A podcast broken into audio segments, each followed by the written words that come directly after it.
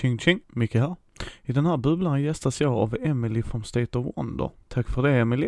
Eh, Den är inspelad via Skype så ljudet är som det är. Men vi hoppas ni tycker det är bra ändå. Men ja, men då vill jag säga välkommen till Emily till eh, Mindy. Eh, Ja, tack.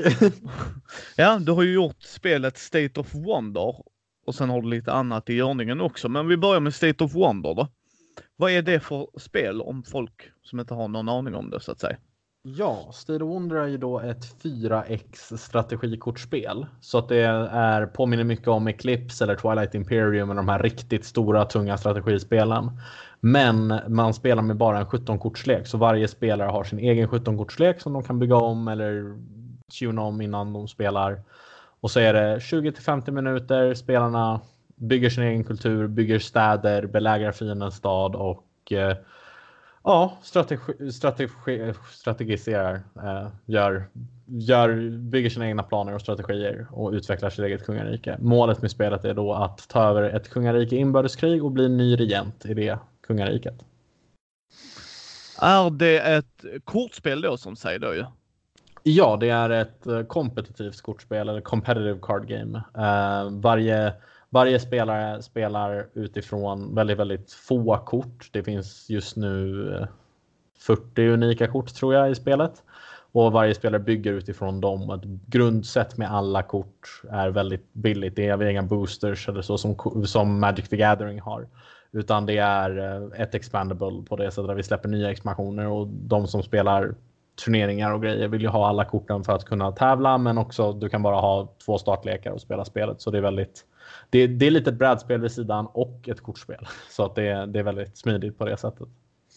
Eh, för ni har det på engelska, eller hur? Ja, det är ett engelskt eh, kortspel just nu. Vi har varit i diskussion om att översätta det till eh, tyska, eh, men eh, vi håller på att fortfarande etablera oss lite där på tyska marknaden. Så det, men det, vi, vi, vi har teknologin att fixa det. Hur ser den processen ut då? Som sagt, det är ju bara 17 kort. Men hur har processen sett ut? Är det bara du som har gjort spelet eller är ni ett team? Ja, det har varit. Eh, det har varit en blandning. Eh, vi började hela hela projektet började som ett universitetsprojekt. Ehm, vi utförde forskning om slumpelement i kortspel eh, och hur spelare reagerade på det och då märkte vi att typ 40% av alla spelare tycker att slump i kortspel tar bort från spelet på något sätt. De blir irriterade på det eller de tycker att det förstör upplevelsen mer än vad det hjälper. Så när vi kollade på det så tänkte vi ja, men vi bygger ett spel runt det här. Så då bör, satte vi ut fem personer i början. Eh, och så jobbade vi på det ett halvår under 2017, vinterhalvåret där. Eh, och sen när 2018 började så blev vi två personer kvar för att folk gick vidare, folk skulle skriva uppsatser och ja, eh, men två personer fortsatte. Eh, jag och Simon Lundgren då eh, och eh, Eh, vi, vi, vi gjorde ett universitetsprojekt, sista årsprojekt utöver våra kandidater, vilket var ganska stressigt. Eh, och eh, i alla fall efter det så gick vi skilda vägar när vi hade gjort en digital variant av spelet och släppte den på Itch.io och som man kan spela gratis men ingen, ingen spelare för att det är bara multiplayer. Och det är svårt att få en matchmaking multiplayer-spel att fungera när vi inte gjorde reklam eller drog in nya spelare.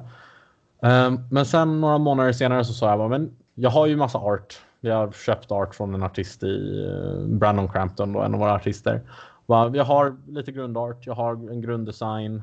Eh, så jag pratade med resten av teamet så kan jag ta det här vidare? De sa ja. Och sen ett halvår efter det, så precis i början av 2018, ja, eh, vi, vi kickstartade 2018 februari i alla fall och därifrån så har det bara gått framåt. Men hur har processen sett ut då just där? Du tog det till Kickstarter och allt det där, men hur, hur, hur kom ni fram till idén? Varför 17K? Alltså, allt det där börjar som ett projekt ju, men slutprodukten, hur, hur, hur kom ni fram till den? Eller du? Alltså, när ni landade väl där så att säga. Ja, eh, det började med idén hur, hur många kort kan en spelare hålla koll på? Hur många kort kan du som spelare? För att i de flesta kortspel så drar man ju kort. Man drar kort varje runda och du får nya valmöjligheter ju längre du spelar och du har ofta 60 kort i leken. Eh, och vi visste ju att vi inte ville bygga ett spel med slumpelement efter den här forskningen vi gjorde. Och det blev ju det var väldigt spännande att sitta där och kolla på forskningen och säga okej, men hur löser vi det här? Hur gör vi ett kortspel som kortspelare skulle uppskatta som inte har slumpelement, som inte har kortdrag? Och då finns det forskning på att en spelare kan ha ungefär koll på sju saker om det är nya saker. Alltså en ovan spelare kan ha koll på sju saker samtidigt ungefär. Så vi visste att vi inte vill ha mer än sju kort, sju unika kort i varje startlek. Och då blev det så att vi gjorde tre uppsättningar om tre, eller fem uppsättningar av tre av varje kort eh, som spelarna hade plus ett stadskort och ett hjältekort som var lite mer unika och hade coolare effekter.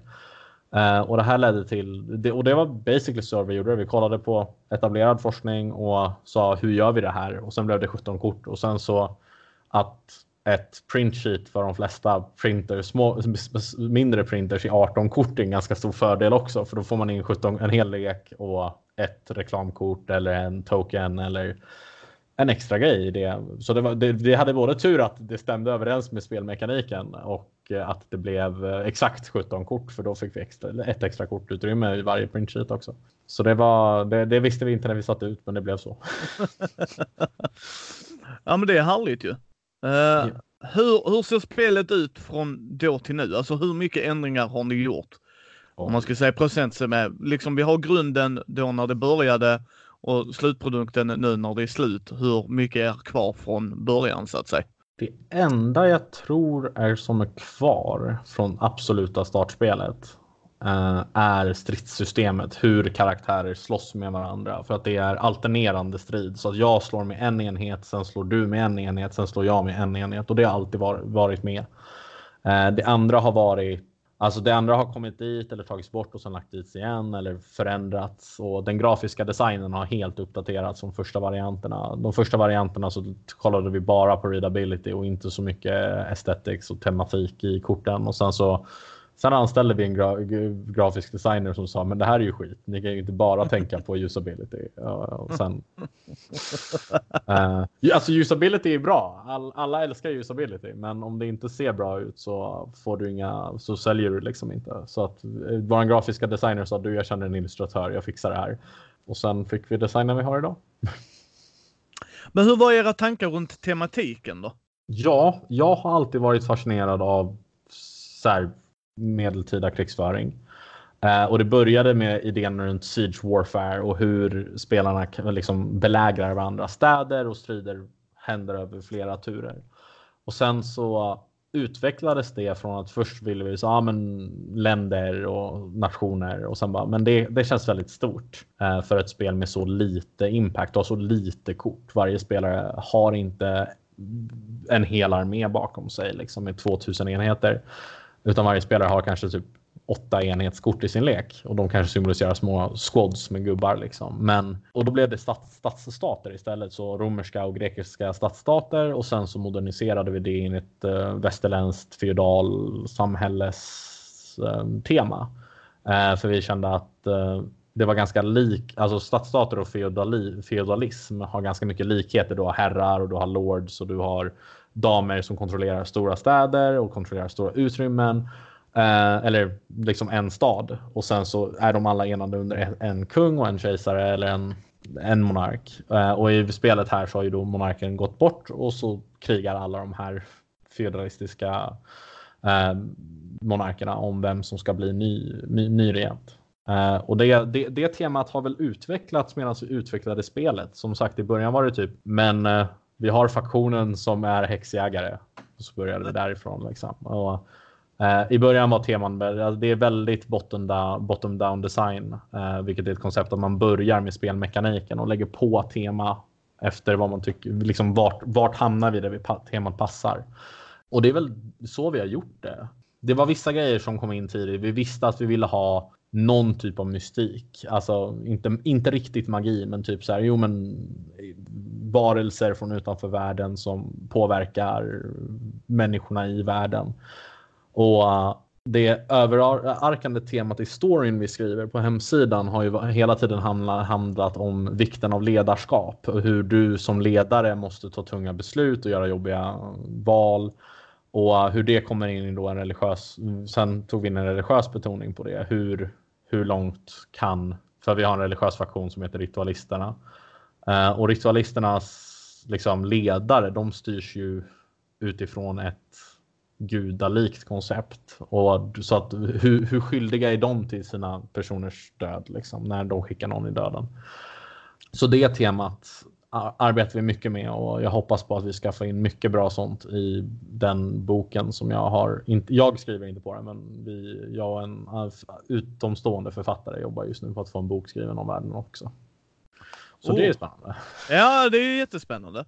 Men eh, ni började då med mekanik. Men hur var era tankar runt mekaniken förutom forskningen och det liksom? För, för jag tänker mig någonstans Uh, framförallt när du utgår från den forskningen ni hade, liksom, alltså att det var det som var grunden till det. Att varje gång ni har tagit bort eller lagt till har det ju funnits en anledning. Förstår du hur jag tänker? Alltså att, mm. det, det, blir ju inte slump liksom. nej, nej. Uh, vi har ett slumpmoment, eller två, lite baserat på hur man hårdrar. Det är att avgöra vem som börjar matchen och vilka kort du hade med dig när du satte dig ner och började spela. Uh, och de slumpelementen är ganska, även schack som är känt som ett spel utan slumpelement har ett av dem liksom. Så att det, det är, det, det är svårt att bli av med det kan jag ju säga. Ehm, men eh, ja, det vi, mekanikerna började väl på det sättet att vi tänkte okej, okay, vi behöver ett konfliktelement för vi vill att det ska vara heads up. För många kortspel är heads up. Det finns några kooperativa som typ Eons End och um, vad heter det? Eh, Lord of the Rings uh, ECG och, eller LCG och det är superhäftigt. Ja, vi, var dock, vi visste att vi inte ville designa någonting sånt för vi märkte att det var huvudsakligen kompetitiva spelare som inte gillade slump. Vilket inte är jätteförvånande egentligen. Mm. Men så då visste vi att vi ville göra ett lite mer kompetitivt spel och då visste vi att vi ville ha konflikt. Och då började det, det, det är antingen resurskonflikter som i Trading Wars eller som i man slår på varandra med olika vapen eller man krigar.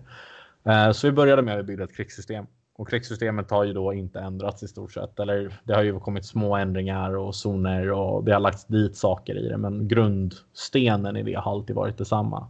Och sen byggde vi. I början var det basically ja, men du hade guld eller ved och så spenderade du det på att bygga ett kort. Och när du byggde ett kort så eh, la du bara direkt in i spel och sen så slogs du och det var hela spelet. Och det var helt, för att vara helt ärlig, väldigt tråkigt. för det var, det var, det, alltså, det var ett coolt stridssystem. Det var ett väldigt spännande stridssystem, men oavsett hur mycket man gjorde med stridssystemet så fanns det liksom väldigt, det var ganska uppenbart vad som hände medan man spelade. Utan du satt liksom och bara, ah, men om jag har en 3-4 och du har två 2-2 så vet vi vad som händer om någon slåss. Liksom. Och det ledde, det ledde, det är fortfarande så att man kan räkna på det i dagens skede. Men nu har vi lagt in murar som du kan ställa dina enheter bakom. Du har olika zoner så att du har din stad, motståndarens stad och fältet och går du ut i fält. Du kan liksom välja vart du vill slåss.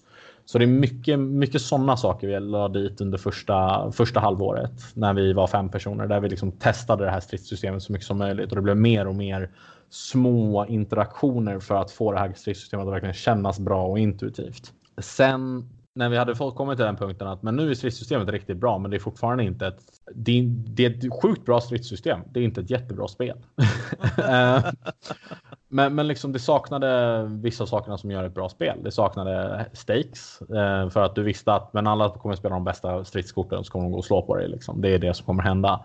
Det saknades någon typ av ekonomidriv. Vissa lekar var jättebra på att bara bygga ekonomi, men du kunde inte göra någonting med ekonomin. Så det första vi lade dit var underverksidén. Den kom ganska tidigt redan när vi utvecklade själva krigsspelen eh, eller krigsdelen där spelare kunde vinna genom att bygga underverk eh, i stil med typ Age of Empires 2 där du så här, kan avsluta en match genom att bygga ett underverk. Men i många fall i det här fallet så när du skapar ditt underverk och slutför det så vinner du matchen och du kan ruscha det här om du, får, om du kan bygga en tillräckligt effektiv ekonomimotor och inte bli liksom interrupted eller avbruten av din motståndare så kan du vinna på underverk väldigt, väldigt fort. Typ 8-9 runder. Det låter inte så fort, men det, det är ganska fort i Steromer.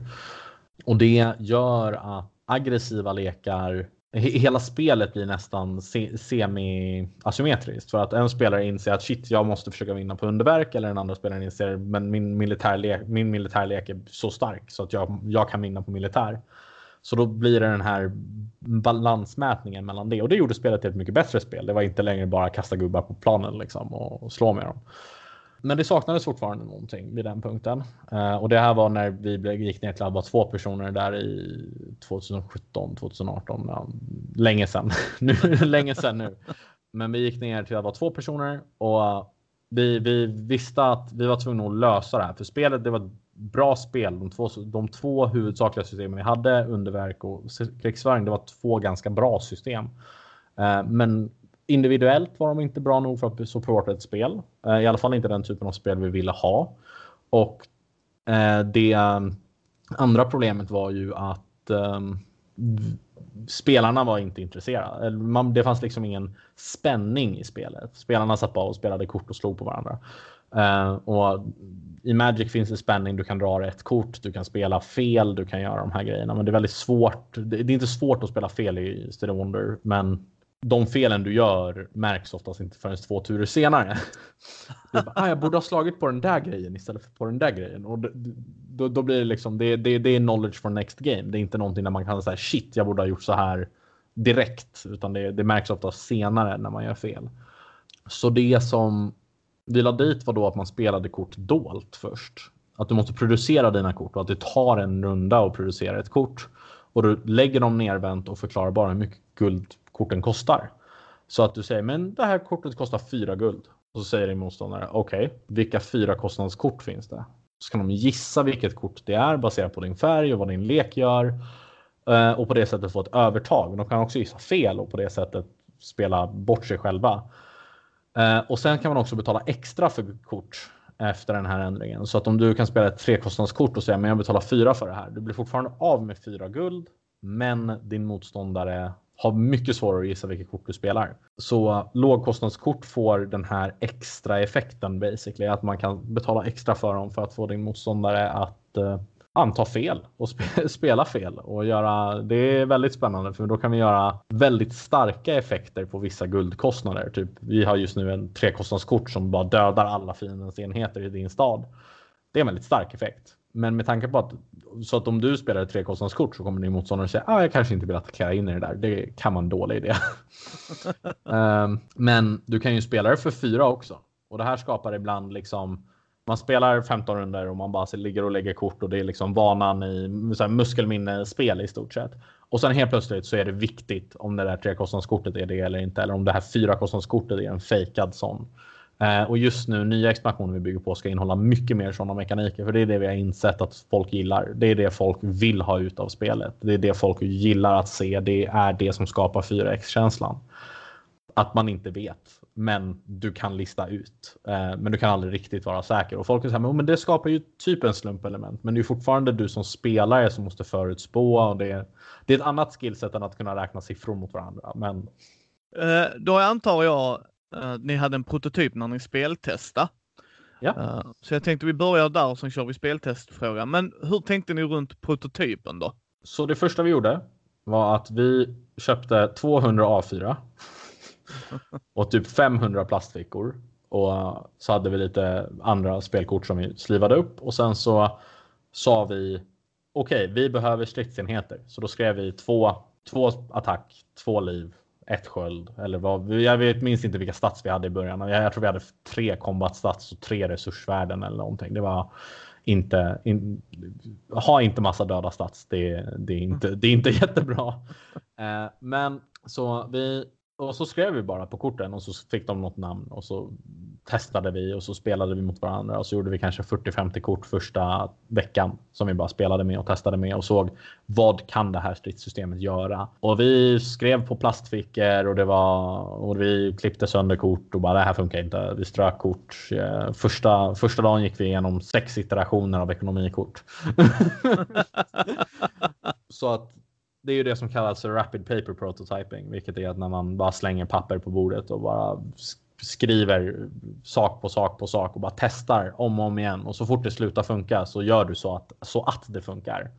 Eh, det är väldigt iterativt och det är väldigt effektivt om man är typ fyra personer.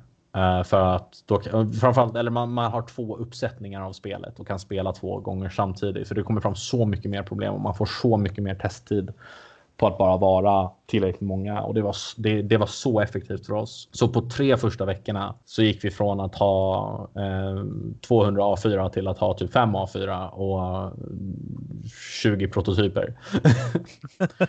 Eh, men som sagt, kombatsystemet var den en konstanten i det här virrvarret och till slut insåg vi att det var ju det, det vi hittade i stort sett. Det var det som var den starka, den starka komponenten vi hittade i den här Rapid Prototyping sessionen. Um, och sen visade jag det för lite kompisar. Uh, typ gick runt och bara hej du spelar kortspel, testa det här. Och så testade jag det mer om eller så testade de det med sina kompisar och jag satt bredvid och förklarade reglerna. Ingen blind testning alls vid den här punkten utan jag sitter och förklarar hur saker funkar och vi testade olika keywords och saker och bara men inte så mycket tanke på vad korten gör utan det var ju så här mitt i en match kunde jag bara men det här kortet är för bra och så skrev jag om det liksom medan de spelade. Både för att de ska få en bättre upplevelse men också för att vi ska kunna isolera problem. Är det ett kort som är problemet eller är det en mekanik som är problemet? Det är ett väldigt stort problem i kortspel. Vi har länge haft ett problemkort som nu har löst sig när vi släppte första expansionen som var en mur som skapade pengar och skapade trupper. Och det var superbra och den tålde jättemycket. Det var den tåligaste muren i spelet. Jag tror fortfarande det är den tåligaste muren i spelet och det, det är ett väldigt bra kort. Eh, det gör väldigt mycket och har väldigt mycket effekter och vi trodde att det var ett problem att spelarna skulle lära sig att spela aggressivt mot det här kortet. Det var liksom det vi trodde att det var från början. Väldigt, väldigt länge. Att det, problemet med det här kortet är inte att det är för starkt utan att det är eh, nybörjare som spelar mot ett kort som genererar infinite, eller uppbyggande value eller uppbyggande värde. Och det är oftast många nybörjarspelare som är rädda för att vara aggressiva. Men det vi har märkt i med ett år under bältet och en mycket större spela, spelarskara är att det här kortet faktiskt är för starkt. Och det är, det är spännande. För man kan inte göra någon, man, liksom, oavsett hur mycket du testar så kommer det här dyka upp. Och det här var ju ett kortproblem och inte då ett systemproblem där spelarna inte visste. För det var det vi trodde att det var. Men det är ett systemproblem där spelare inte incentiviseras att vara aggressiva nog. Så det, med nya expansionen då så släppte vi både kort som var aggressivare och man vill vara aggressiv med men vi släppte också kort som var specifikt bra på att förstöra murar. då blev kortet inte lika bra längre. Då var det bättre att spela defensiva murar som hade defensiva effekter som att typ men när den här kommer in i spel döda en gubbe eller när den här um, när den här blir attackerad så skapar du en ny enhet som kan slåss direkt. Uh, de, de blev mycket bättre alternativ när folk spelar aggressiva enheter som bara förstör murar enkelt än det här gener långsamma genererande kortet. Så det är ju lite unikt med kortspelsprototypning, men ja. Eh. Men hur, hur är, vad är era tankar runt speltester? Ni börjar med kompisar, det är ju ett bra sätt att göra det. Men sen då? Vad, vad var stegen där och hur lång tid tog det innan ni kände att nu kan vi köra det på Kickstarter? För nu har vi ändå tillräckligt mycket för att veta eh, att det inte kommer förändras lika mycket om du förstår vad jag tänker. Mm. Eh, det jag det jag personligen känner är att man, det finns lite olika stadier. Det finns ju intern speltestning som är det vi gjorde först, de här tre första veckorna. Man sitter med teamet. Eh, och nu har jag inte så mycket team längre så det, det är svårt att, svårt att göra nu. Men eh, man sitter internt. Eh, antingen med en sluten cirkel eller med utvecklarteamet eller tre riktigt bra kompisar som man vet är beredda på vad, vad det är man ska göra. Liksom. Och så bara har man de sessionerna tills det är klart. Eh, sen har man friends testing, man skapar Facebook-evenemang när man bjuder in kompisar till LGS och säger men jag bjuder på pizza så får alla pizza och så kör man den typen av speltestning i event. För du vill bara få dit folk egentligen på de speltestningarna så alltså, du får så mycket speltestning som möjligt. Men sen behöver du också blind speltestning och det, det är svårt. Det är jobbigt. För du behöver både kunna få resultat från det. eh, typ hej, kan du spela in dig själv med din kompis när du spelar det här spelet och skicka resultaten till mig? För det är mycket, du vill både ha observation eh, men du vill också ha direkt, alltså kvalitativ undersökning med en intervju eller så. Men, och sen vill du ha kanske 40 grupper som gör det här, 50 grupper som gör det här. Så många grupper som möjligt. För det är där du ser om din regelbok är bra nog. Eh, det är där du ser om eh, folk spelar intuitivt fel. Eh, för du kan inte avbryta om saker går fel och säga men det funkar så här. Utan då, då kommer du märka, okej okay, gör de här någonting intuitivt som inte jag har sett tidigare. Typ i vårat spel så hade vi en kombatmekanik som var icke eh, symmetrisk. Så att när du skickar gubbar i fält och fienden möter dig och du vinner den striden, då får du välja att gå vidare eller gå hem. Men om du är det på den defensiva sidan, alltså att du mötte någon som gick in i fält, då gick du alltid hem. Så det, var, det, det bröt liksom symmetrin i hur kombatsystemet fungerade. Och det här märkte vi att det spelade ju ingen med. Ingen använde det på det här sättet. Alla mm. gick vidare om de vann. Liksom. um, och då var ju lösningen att säga men det, det är så spelet funkar. um, jag tror inte ens jag uppdaterat regelboken ännu, men folk spelar inte på det sättet som det står i regelboken för att det är så ointuitivt att spela på det sättet. Och det, det, det, det är en sån här sak som när man är eh, när man har ett litet företag som jag, då är det så här uppdatera regelboken är inte min största prioritet. Men de som kommer och frågar, jag vet att de flesta spelar på rätt sätt och de som kommer och frågar kan jag säga ja, men det funkar på det här sättet. Det kommer en regelboksuppdatering snart. Eh, snart ett bra ord. Eh. men ja, och sen när du har gjort blindtestning ehm, då finns det någonting som heter för statistiktestning, vilket är när du tar alla, all inspelad data du har och typ kollar efter hur ofta spelar någon det här kortet som sitt första kort? Och så gör du det på alla kort. Eh, för då får du reda på vad både och sen kan du göra en subset. Hur många spelar det här kortet som sitt första kort i den första matchen de någonsin spelar? För då får du reda på vad folk tror är starkt och vad folk vet är starkt. Och såna, det, det finns väldigt mycket bra sådana saker och det är väldigt svårt att göra det för kortspel om du inte har antingen folk som filmar eller dedikerade speltestningsenheter. Ehm, det finns tjänster på nätet där man kan köpa sånt här och bara jag vill att ni skriver ner de här sakerna och så får du all deras data på det. Och då kan du avgöra. Är det här kortet för bra? Är spelas det för mycket? Statistisk speltestning är någonting man inte gör i ett litet team. Det är för krävande. Vi gjorde inte riktigt det. Vi, vi, vi tog det anekdotiska. Så, ja, men det känns som att folk spelar det här kortet för mycket för att det, det, det är good enough om planen ändå är att balansera efter man släpper det eh, med nya expansioner eller FAQ som Warhammer 40K gör, eh, vilket folk har börjat klaga på nu för att de gör det för ofta. Men ja. Mm. Ja men det är ju eh, bättre att man får en FAQ än inget alls tycker jag. Sen är det ju jättesvårt som sagt bara kolla på Magic hur många expansioner de släpper per år och hur de bara ah shit just det de tre korten blir ju brutna. Vi får FAQ, ni får inte göra det. ja, Magic är väl uppe i sju släpp per år eller någonting just nu. Fyra huvudexpansioner och tre, tre side, side, sidogrejer. Och det, det är ju mycket grejer. Liksom. Vi, är, vi är på typ en expansion per år och vi tycker att det är mycket. Men, eh, ja. Eh, nej, det var bara expansionsgrejen är också en väldigt spännande grej för att det, det är väldigt unikt i kortspel och rullande krigsspel som Warhammer. Där man, eh, när man släpper nya, man släpper nya grejer för att fixa problem i det gamla systemet. Och den typen av test, det är väldigt farligt att göra. Ehm, för att om du släpper ett kort som är bra på att ta sönder murar. Vad säger inte att det är det nya bästa kortet i formatet? Så det kräver väldigt mycket testning av den specifika grejen. Är det här kortet så bra att det bara vinner spelet automatiskt? Uh, och nu gjorde det inte det, för vi hade ett kontrollkort för den typen av kort vi byggde. Så att det, det var bra, men uh, man måste veta. Det, det finns så mycket saker som ändrar sig och det när folk insåg att typ Lantern var en grej i Magic så var ju folk extatiska för att det hade kommit en lek som vann på att inte spela spelet. Och sen nu spelas inte den leken längre för att det var tråkigt att spela mot en lek som säger du får inte attackera mig och så lägger du ett kort i rundan i din graveyard och sen sitter vi här i 30 turer och sen, sen gör vi det.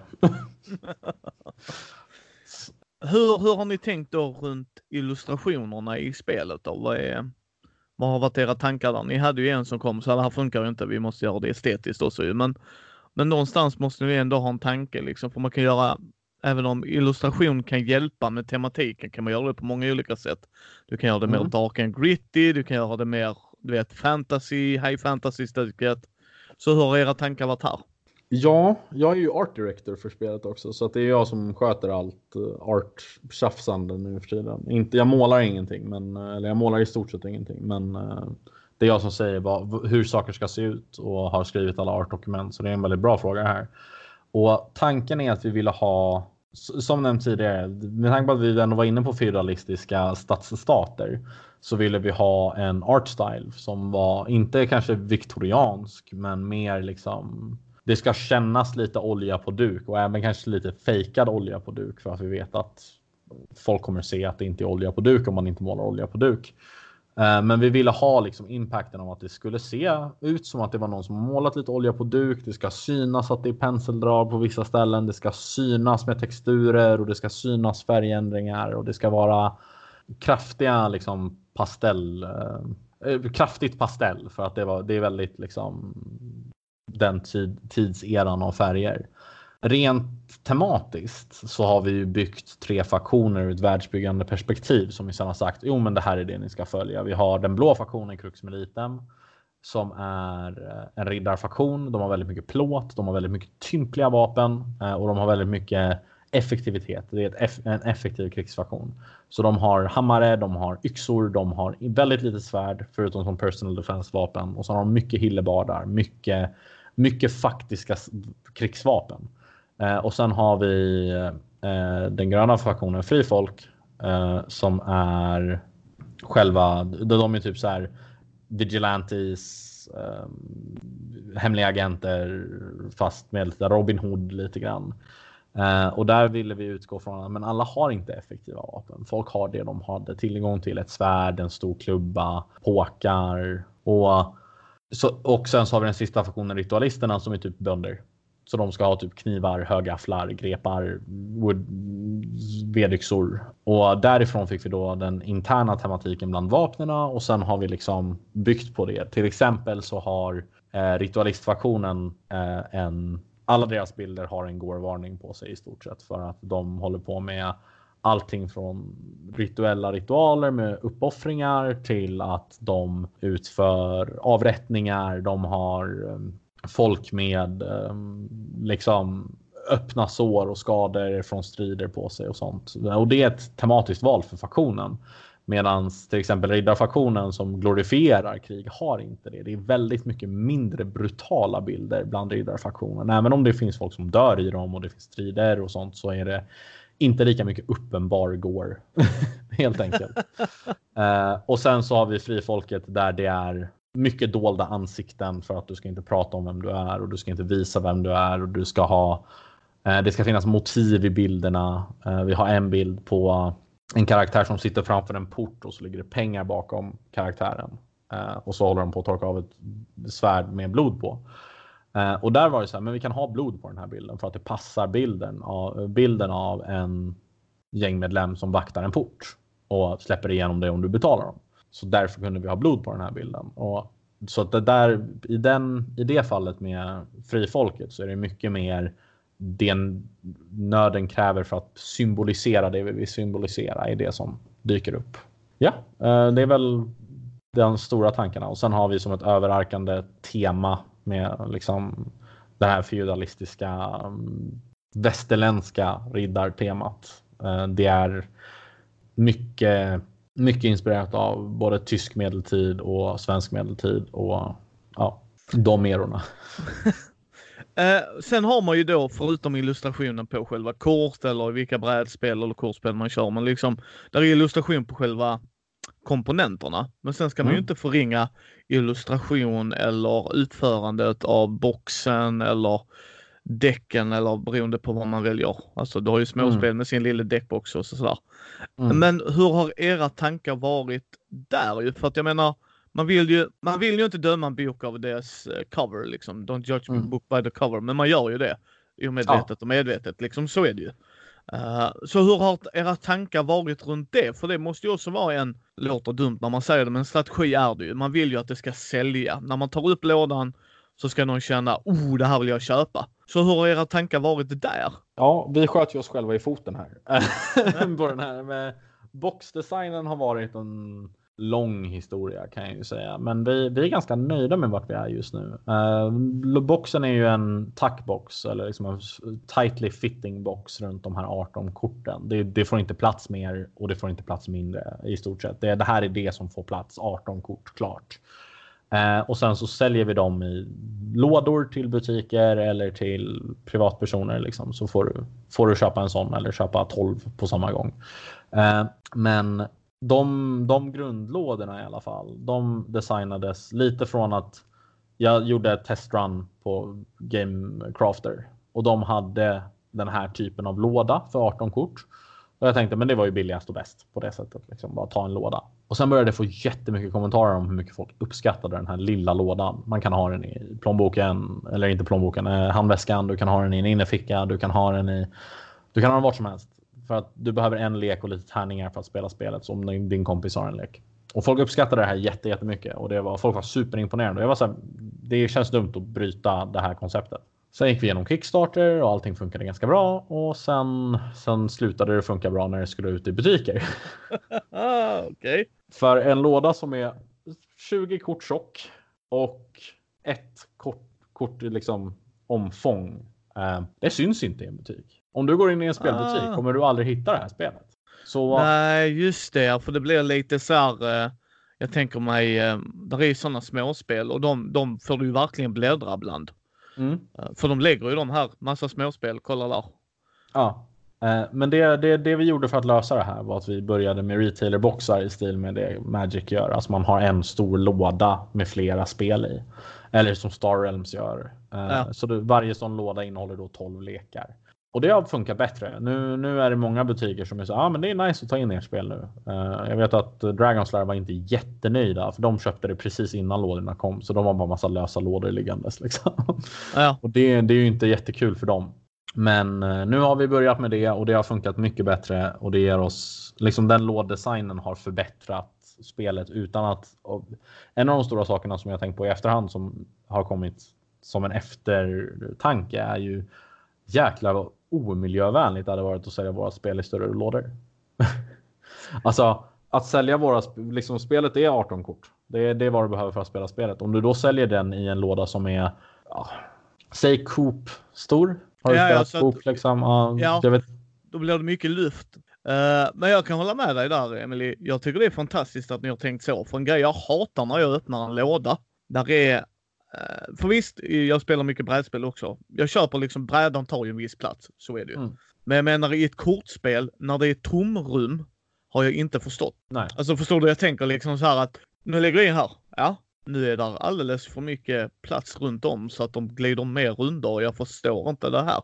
Sen kan jag vet ju att där är när man pratar med förläggare och så, lite som vi gör här i podden, så är det ju för att de standard beställer det. Mm. oftast. Mm. Alltså om du tittar Queens Game och de, de har standardstorlek på sina spel. Ja. Uh, så därför gillar jag det ni har gjort ju, för det är ju det. Dels får man ju det effektivare, vill säga. Jag tänker mig att er, ert spel hamnar lättare i min ficka om jag skulle åka hem till dig och spela. Mm. Än om jag skulle ta en kolåda. För då måste jag lägga ner den i väskan. Men kan jag bara ta den? Ja men okej vi ska spela. Boom. State of Wonderland. Liksom. Då tar jag det. Mm. Uh, jag, men... jag, har med mig min uppsättning varje gång jag ska till spelkvällar. Liksom. Så att... ja. Men, men sen å andra sidan förstår jag det när ni inte har den stora boxen att det blir ju svårt att displaya. Det förstår jag också. Det, det, vad är det här? Nu kan jag förklara vad det är. Titta här. Mm. Uh, så det, det kan jag förstå, men det är ju skitbra att ni har tagit lärdom av det. Om inget annat, ni som lyssnar på det här kan ju förhoppningsvis inte skjuta er i foten som Emilio har gjort här. Nej, men alltså det, det, det är ju verkligen en sån, för att hade vi gjort stora lådor, liksom alltså typ Coop eller en Magic starter deck storleklådor så hade de ju synts mycket bättre. Folk hade tänkt på dem på ett helt annat sätt i butiken. Man hade kunnat skriva bättre beskrivningar på baksidan, lekinnehåll, för det kan vi inte göra just nu för lådorna är lite för små för det. Framförallt om man ska ha streckkod och ålder och alla de här sakerna man behöver för att få sälja ett spel i butik på det sättet. Och det blir bara sån. Det blir en sån spännande liksom balans liksom. Okej, okay, men folk gillar de små lådorna. När de väl har köpt spelet så älskar alla de små lådorna. Förutom att vissa tycker att de är lite brokiga och går sönder ganska enkelt. Och jag är så här, okej. Okay, det, det, är papp. Papp går sönder. men sen så är det ju, men och större lådor har också problem. De skulle inte vara återförslutningsbara på samma sätt som våra är. För våra är ju återförslutningsbara så man kan liksom lägga tillbaka leken och stänga den och göra allt det där. Medan större papplådor skulle bara falla i bitar. Så att det är också en balansgång, men större lådor hade antagligen sålt bättre. Det hade antagligen varit bättre för mig som företagare att ha en större låda som ser bättre ut och säljer bättre. Man behöver inte bryta lika mycket. När, när jag åker på ett konvent och säljer så behöver jag liksom öppna två sådana här retailerlådor och så behöver jag stacka under dem för att det ska se bra ut på bordet. Liksom.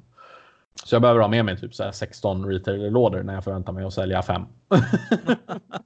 så jag förväntar mig att sälja 100 lekar liksom. Och bara, ah, okej, okay, men jag hade med mig 600. you live and you learn. Uh, ja. Då tar vi det där sista biten på själva det här då. För regelbok, det är ju viktigt. Det är A och. Uh, annars kan vi liksom skita i det och bara hitta på egna grejer. Vilket inte är fel för de som gillar det. Men hur var tankarna där? För jag tänker mig när man gör till ett kortspel är liksom regelboken med i produkten? Det måste man ju också tänka på. Magic, vad jag minns nu på senare tid de mer eller mindre, det beror på vilken, helt och hållet vilken produkt du köper nämligen. Mm. Eh, Så är ju regelboken med där. För att deras regler är ju inte så jättesvåra heller. Alltså de får du, det, det är som du säger där, alltså själva grejen med Magic det är ju att korten bryter de vanliga reglerna eller ändrar dem, förändrar dem och det är mycket nyckelord. Men hur har ni Mm. tänkt där ju? Så det vi har är att i varje produkt så finns det ett referensblad. I, själva lådan, inuti den, så har vi tryckt som ett referensblad med alla ikoner, beskrivningar av de reglerna eh, för hur man spelar en tur, reglerna för strid. Eh, och sen finns det en länk och en QR-kod till hela regelboken. För att vi vill inte printa.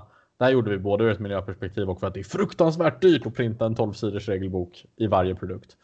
Eh, och när vi försökte göra någon så här quick learn guide att skicka med så blev det verkligen så här. Ja, den blir inte bra nog. Så det, det, så det här är ju ett ständigt problem. Men eh, eh, jag är så sjukt nöjd över att ehm, inte Konrad Argo. Uh, All Game is Niramas. Ja, Borg Nirmas gjorde ju en playthrough som är basically. Den är basically perfekt. Det är hur man spelar spelet. Ja. det, enda, det enda man behöver tänka på när man tittar på den är att han använder inte alla uttryck rätt. Han använder vissa ord fel eller liksom. Det är vissa termer. Te terminologin är inte helt perfekt, men allt hur han spelar spelet är helt perfekt och det är. Det är asnice. så det blev lite. Jag blev väldigt imponerad över den för att jag har haft folk som har reviewat spelet tidigare och fått fått lite små fel här och där och gjort konstiga saker, men allt det blir inte alltid perfekt och ibland är det typ så här, ja, men de glömde bort ekonomifasen. Eh, det kanske inte är jättebra att glömma bort hur man får pengar. Eh, i, Eh, en rule, rule, ru- I en rules video. Eh, men men eh, det har oftast varit reviews och inte how to play videos. Så han gjorde ju, BG, BG Wipneramas gjorde ju en ren, ren how to play video. Det var väldigt, väldigt uppskattat från min sida kan jag ju säga. Det var 10 av 10. Ja, um, så att jag brukar till Josef där då ju. Ja, shoutout till Josef. Och det, det är verkligen, det är väl vägen jag hade gått idag. Om jag hade gjort regelbok, jag hade definitivt skrivit en regelbok till nästa spel. In, in, inte en fråga om saken, men en, how to, en bra how to play video är värd alla, både alla pengar du kan betala för den och, Eh, och um, all, all cred och all press. Och all, bara, bara att folk ser spelet på det sättet är värt multum. Liksom. Inte multum. Nu, nu, nu tror jag inte att det är så många brädspelsdesigners förutom kanske Fryx som tjänar miljarder på sina brädspel. Liksom. ja. Ja, och sen så sa du innan att ni kickstartade ju. Mm. Eh, varför Kickstarter och hur har det gått så att säga för det liksom? Hur, alltså hur, hur gick det arbetet med Kickstarter? Ja du. Vi, vi förberedde oss ju för Kickstarter i typ sex månader. Det var en ganska lång process och det var mycket grafikbygge och det var videos och det skulle göras grejer och det skulle fixas reviews och det skulle Alltså, det är så sjukt mycket arbete inför en Kickstarter som man inte bara tänker på när man säger men vi ska göra en Kickstarter. Vi behöver en bra sida. Man bara ja, jo, men du behöver en bra sida och du behöver recensioner och du behöver vara med på tusentals podcasts. Jag tror jag var med i typ så här 20 podcasts på en månad. Eh, eh, och det var ganska jobbigt kan jag ju säga. Samtidigt som man skulle göra allt det andra arbetet. Du måste ha en hemsida, du behöver en mailinglista, du behöver sociala medier, du behöver supporta de sociala medierna, du behöver bygga en community. Um, och det är den viktigaste delen, ha en community. Ha folk som vet om och gillar spelet och supportar spelet. Vi fick in 21 000 på första två dagarna. Uh, vi bad om 30. De andra 9 000, de andra 12 000 vi fick in tog resten av tiden. och majoriteten var sista fem. Så att eh, det var ganska nervöst. Vi blev fundade. Nej, vänta, vi blev fundade 14 dagar in. Vi hade en 24 dagars kampanj, så vi fick, det, det var lite trickles och sen så fick vi en liten, liten uppsving på kanske 3000 sista dagen. Sista fem dagarna och det, det var ju nice, men eh, alltså nu låter ju 33 000 eller vad vi nu fick in inte som jättemycket pengar, men sen så har vi ju efter kickstarten har vi ju sålt för typ 160 200 000 däromkring någonting. Nu har jag inte siffrorna i huvudet, men eh, vi har sålt typ 2000 kopior efter Kickstarter och det, det är ju inga massiva mängder pengar, men vi har ju gått plus och det, det är ju bra och Kickstarten är ju det som gjorde så vi kunde göra det. Men processen bakom själva Kickstarten är ju som sagt, sex, timmar för, sex månaders förberedelsearbete med synas i podcasts, prata om spelet, speltesta öppet, släppa en Tabletop Simulator mod, bli featured på deras sida, göra pressutskick, göra ja, galet. Um, stressigaste jag någonsin har gjort i mitt liv och jag, jag, jag är en person som både forskar, spelforskning. Jag, jag, jag pluggar spelforskning, masterutbildning samtidigt som jag har ett eget företag, samtidigt som jag driver ett spelkonvent, samtidigt som jag eh, spelar Magic eh, semiprofessionellt. Så att stress är, stress är en del av mitt liv. Liksom. Men Kickstarter är något av det stressigaste jag gjort. Jag var också själv, vilket jag inte rekommenderar någon att vara när de gör en Kickstarter. Uh, var typ ett team om fem pers. Att vara fler är inte bara bra för att du får mer arbetstimmar. Istället för att ha åtta timmar om dagen får du 40 timmar om dagen på fem. Men det visar också att du inte är själv om att tro på din idé. Och det är en ganska stark grej. När du kan ha massa fans och för massa fans kommer slänga pengar på dig. Men om du kan få två, tre andra personer att faktiskt jobba med dig och ni funkar och jobbar tillsammans. Det är ganska värdefullt för då vet du att någon annan är beredd att lägga in tid och inte bara kasta pengar på det och vara klar med det utan de lägger in tid för att få den här grejen att bli en verklighet. De tror också på det på den nivån. Um, och det fick jag lära mig av min business coach uh, typ, typ sex, veckor, sex månader efter kickstarten. ja men det kan jag tänka mig. Jag tänker mig det. Det är många som säger det också och det är därför som sagt vi vill göra de här intervjuerna Emelie, att folk kan förstå varför. Nu har du varit med om det här, då kan du säga nej, nej, nej, nej, snälla, tro mig. Jag går inte igenom det här själv. och nu funderar jag på att göra en Kickstarter till för nästa expansion, men då ska jag ha med mig folk. Jag kommer ja. inte göra den själv. Jag kommer prata med för att om jag ska sitta i intervjuer varje dag, då kommer jag inte kunna göra den grafiska designen. Om jag ska sitta och prata med folk på um, häftiga roundtables på GDC, då måste jag flyga till Amerika och göra det. nu har jag inte tid att göra allt det andra. Men ja. Men om vi då tittar, vad kan vi vänta oss mer ifrån er då som bolag? Då? Vad kommer mer eh, är visionen som du kan dela med dig av till oss? Ja, planen är då. Det här är. Det mesta är fortfarande ganska långt ut för att vi har haft. Jag, har varit, jag var sjukskriven i två månader i år så att det var. Det har varit. Allting har blivit väldigt förskjutet på grund av det. Men då förväntar vi oss en ny strid och under expansion nu i 2020. Eh, fyra nya baslekar i planen. Den kommer antagligen gå på Kickstarter och sen så kommer den släppas efter det. Sen så jobbar vi på ett Tabletop Role Playing Game vid namn Mors Atra som är en skildring av religiöst krig Eh, i postpunktsättning. Eh, du spelar som korsriddare i en förfallen värld som springer runt och slåss med järnrör och heliga symboler och ber till era gudar och det är spännande. Har fått sjukt bra kritik i speltestning hittills så att det, det är nice. Eh, det, det, kommer upp på våran hemsida eller vi ska få en hemsida om det någon gång snart. Vi håller på att jobba på det just nu. Uh, och det ska bli mailinglistor och typ joina våra speltesting för det här spelet. Uh, och sen så har jag väldigt långt bort prototypande. Men eh, det, den stora grejen just nu är utöver det är väl då uh, State of Wonder-boken som fortfarande är eh, men den, eller den är kanske just nu. Men jag jobbar fortfarande på att fixa det med författaren då. Härligt, härligt, härligt, härligt. Men då avslutar vi den här delen av intervjun innan vi går på den om dig som person, Emily. Ja. Uh, då avslutar vi med det som jag brukar ställa, för jag tycker det alltid är jätteintressant själv. Tre tips till någon som vill göra det du gjorde. Vad är det liksom? Tänk på de här grejerna. Ja du. um, ta hand om dig själv. Schemalägg typ inte 14 timmars dagar. Det funkar inte. Uh, schemalägg ofta 6 timmar och så kommer du att komma på saker du måste göra ändå så att du kommer jobba de där 8-10 timmarna ändå ha mer pengar på banken än vad jag hade. I veckan innan, eller månaden innan kickstarten började hade jag 68 öre på banken. Ha lite mer pengar än 50 000 med en 8, 8 månaders projektplan. Liksom. Det, det är en då, dålig idé. um, och det låter konstigt att ha massa pengar, men ha en plan för hur du ska överleva i alla fall. Min plan var, jag har 50 000, jag klarar mig åtta månader på det. Det var inte världens bästa plan. Och Bygg en community och känn din community. Var, skrik inte ut i tomheten och bara vi gör ett spel. Ingen bryr sig. Uh, quite frankly, alltså det, ja.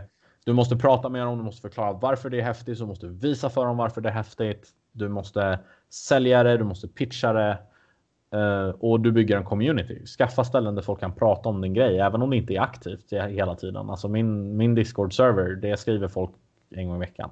Men det är ett ställe att samla folk så att när du väl behöver att folk gör något, är med i en turnering, spelar, köper spelet, kommer en ny expansion, Kickstarter, delar den här posten eh, så är det en absurd resurs att ha folk samlade. Samla folk, mailinglistor, Discord-servrar. Ehm, så det är väl där jag börjar. Inte ens, inte ens vi bygger ett spel utan samla folk runt en grej. Det, det, det är nog det bästa tipset jag har.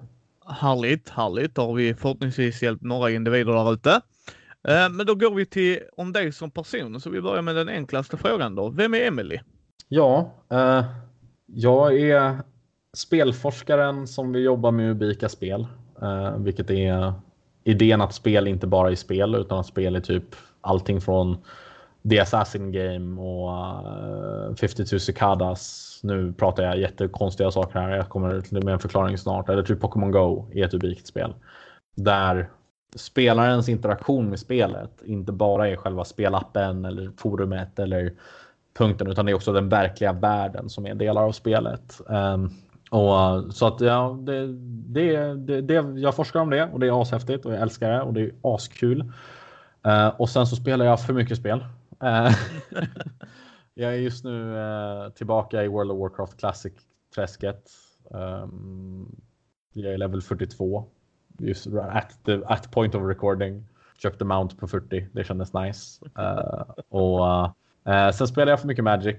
Um, Magic är by far, utan, även över hyra och över uh, över hyran, över uh, matkostnader varje månad uh, är Magic min största utgift. Och det, det skäms jag lite för ibland. uh, men det är viktigt att ha de där 400-600 kronors korten. Liksom. Det är fyra viktiga bitar av papper. men ja, jag älskar kortspel. Jag brinner för kortspel. Kortspel är min grej. Jag har en backlog av historiska kortspel hemma. Uh, allting från så, Age of Empires 2-kortspelet till gamla Jihad som är ett Vampire the Masquerade-spel, men jag har original, lite originalkort och jag har lite nya kort för att jag behövde bygga lekar. Eh, och så har jag eh, ny, modernare spel som Aeons End och jag har Star Realms och jag har Hero Realms och jag fråga om ett kortspel så har jag det antagligen. Eh, jag, jag brukade köpa folks gamla så här, men jag, jag höll på med kortspel en gång i tiden. Och man bara, okej, okay, men då köper jag din samling. Och så fick man bara så här random, eh, så originella Lords of the Rings kortspelet hade jag jättemycket av ett tag. Och det bara låg hemma och sen så till slut tröttnade jag för jag, jag, jag kan inte reglerna. Jag känner ingen annan som kan reglerna. Det finns inga regelböcker online mm. och det fanns inga grund, grundlekar med de här korten. Så till slut fick de faktiskt åka i soptunnan tyvärr. För att jag kunde inte heller hitta någon som visste till mycket om det här spelet. Jag tittar mig omkring här nu bara för att ja, eh, mitt hus är invaderat av kortspel, men ja. Um, jag är ett stort fan av Living Card Games eller liksom det Fantasy Flight Games gör överlag också. Alltså, Eh, du, du, får stoppa mig om du vill att jag ska sluta prata om kortspel. Alltså. Ehm, men, Nej, men vi kan, vi, vi kan gå vidare här, men då är du stort, stort kortspelsfantast. Uh, och det är härligt. Uh, men vi, vi går lite då tillbaks till Emily här.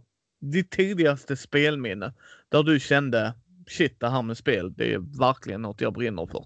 Jag var fyr, fem måste jag ha varit. Starcraft 1 släpptes 99 tror jag, eller 98.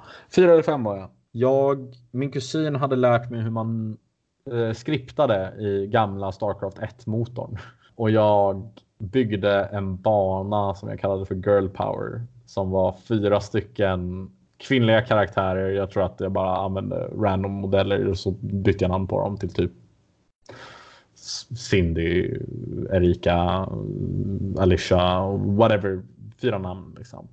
Eh, och så var det som en hero, hero run där vi bara sprang igenom en bana av monster och stod på dem. Och det, det, det, var, det var basically där det började. Och sen så byggde jag saker i Warcraft 2-motorn också. Och det var där, det, det, är mina tidigaste minnen av typ speldesign. Men spel, oh, nej alltså bara spel överlag. Jag kan inte minnas när jag började spela spel. Så tidigt är det liksom. Det, jag minns att jag spelade på Kali med morsan i Warcraft 2 någon gång. Eh, online med folk. Och det var häftigt. Och jag var typ fyra. alltså inte mycket äldre än det liksom. Och sen så lärde farsan mig spela Unreal Tournament när jag var typ 99. Och vi har alltid varit stora pokerspelare och bridge-spelare i familjen. Så att jag började ju pendla till Gotland när jag var typ 8-9. Så på båten så var det några som stod och spelade poker och jag stod och tittade på och de var så ja ah, men du kan inte det här men här har du fyra tior så kan du vara med och spela lite. Så gick jag därifrån med 400 spänn. De var inte beredda på att åttaåringen kunde spela poker, like a, like, inte riktigt like a pro, men mycket bättre än tre personer som spelar poker på båten för att det är kul att spela poker på båten. Liksom. uh, så det, det, det, det, så mycket har jag spelat spel och det har varit kortspel hela livet. Um, jag lärde mig spela bridge när jag var sex, sju. Magic när jag var 13 tror jag var när jag började spela. Det, det är en story ut och, in och ut i sig själv. Men um, mm. och sen um, ja, som sagt, poker och bridge var stora intresset fram till fram tills Magic kom och då bara så här. Finns det 20 000 unika kort? Kan jag göra alla de här grejerna? Det är häftigt. Um, och sen, sen, sen gick det ut för. uh, spelar du brädspel? Uh, ja, det gör jag. Um, favoritbrädspelen just nu är Eclipse, Stone Age och Fireteam Zero. Um, så en väldigt skum blandning av spel. Men är, är, du mer Ameritrasher eller Eurospelare? Eurospelare definitivt. Um, det mesta Ameritrash-spelet jag spelar är väl Fireteam Zero. Och det är knappt ett Ameritrash-spel. Uh, det är, man, man, spelar, man spelar en gammal grupp med um, andra världskrigsveteraner i en weird war setting och så springer man runt och så slåss man mot övernaturliga hot som aldrig slutar anfalla i och så um, typ springer runt och skjuter dem med attacker och det är typ ett card management spel. Du har en hand med fem kort och de är också ditt liv. Uh, men för att attackera någonting måste du spela kort. Ja. Det, det, det, det, är väldigt, det är ett väldigt skrämmande spel att spela, men det, det är väldigt kul. Väldigt mycket tyngre än de flesta Mary Trash-spel jag har spelat. Är du rollspelare då? Ja, eh, jag började när jag var åtta, tror jag. Eh, spelade D&D 3 med familjen. Morsan, morsan drog ihop en grupp med mig, min syster, min eh, styvsyster och styvbror. Eh, så jag, tre systrar och en bror, sitter och spelar eh, D&D. Eh, min första karaktär var en human fighter vid namn Evil. Eh, han överlevde inte jättelänge. är du spelare eller spelledare helst? Eh, jag spelade i typ 12 år och sen så typ så här, I hit a brick wall with it. Ehm, jag tror att jag skulle, hade kunnat komma tillbaka till det nu klokt. Ehm, men det var lite så här, jag spelade typ fyra sessioner för varje vecka ehm, grejen. Och det blev bara för tungt och det blev, jag blandade ihop grupper och jag blandade ihop tider och det började bara, det blev bara för mycket och för jobbigt liksom. Och då, då var jag 18 eller 19 tror jag. Och det som var problematiskt var väl att när jag började tappa idéer och inspiration och liksom slutade tycka att det var kul så blev det dåligt för alla andra också. Ehm, och nu, nu så tror jag väl att Alltså folk kommer fortfarande till mig och bara du, jag har problem med den här encounter-designen för ett Pathfinder-äventyr eller för ett eh, Eon-äventyr. Uh, eller vad de nu spelar. Hur, hur skulle du göra det här? Och så får jag hjälpa dem med det. Liksom. Men uh, idag tror jag att jag hade kunnat komma tillbaka och spela Idag spelar jag i stort sett bara. Uh, jag spelar just nu en grupp där jag spelar en Ratfolk Rogue som bara slåss med natural weapons. Det är askul. Jag har 10 HP på level 3. Allt dödar mig om det slår på mig. I vilket system för de som inte hänger med? Ja, vi spelar Pathfinder just nu. Ja. Och det är bara för att alla, alla, alla i den gruppen har spelat så mycket Pathfinder så det var bara så här. Vi ville ha en uh, fredags beer and pretzel grupp typ.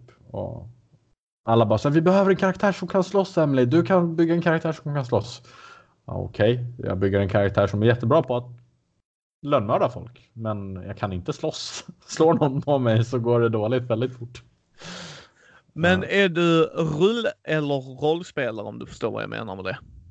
Uh, ja, jag förstår precis vad du menar med det. Jag kan uppskatta ett riktigt bra combat encounter Men jag föredrar rollspelandet. Jag föredrar att um, göra dumma grejer runt bordet och sitta och uh, skratta över att uh, Rogan just försökte sno någons byxor.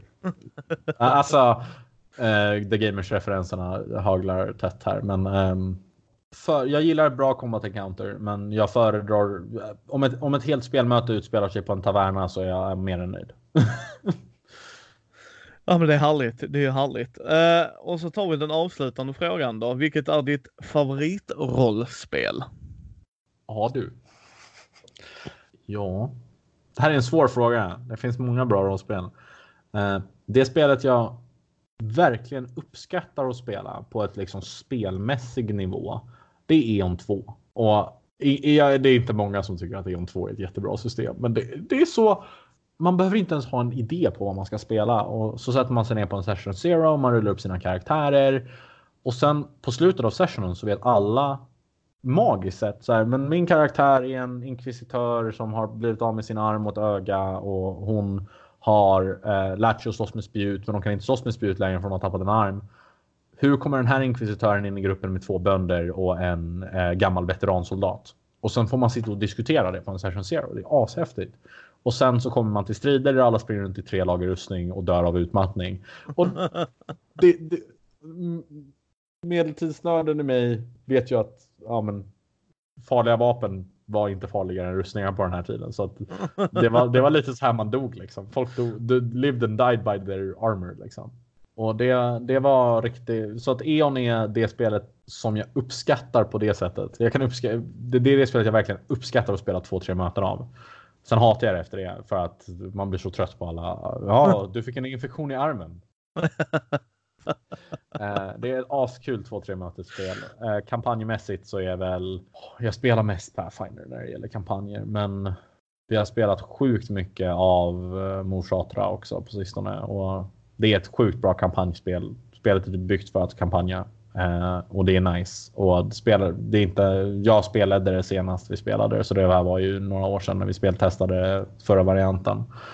Men vi hade en kampanj på typ så 18 månader och alla hade askul och vi var typ sju personer i gruppen och det Uh, det eskalerade. Um, ur kampanjspel så föredrar jag Morsatra. Jag har designat det för att vara ett spel jag gillar. Så att det är väl det, det, det, är fortfarande så här barndomsdrömsspelet som börjar. Man började på det när man var 14 och så insåg man att man var ingen bra när man var 15 och så insåg man när man var 16 och man var ingen bra när man var 15 heller. och så har det bara så utvecklats medan man gick vidare och nu har jag kommit till en variant jag är väldigt nöjd med. Så att Ja. Det är barndomsdrömsspelet man byggde själv. Liksom. Det, det är det spelet. Ja men härligt då. Då vill jag passa på att tacka dig Emily för att du tog dig tid.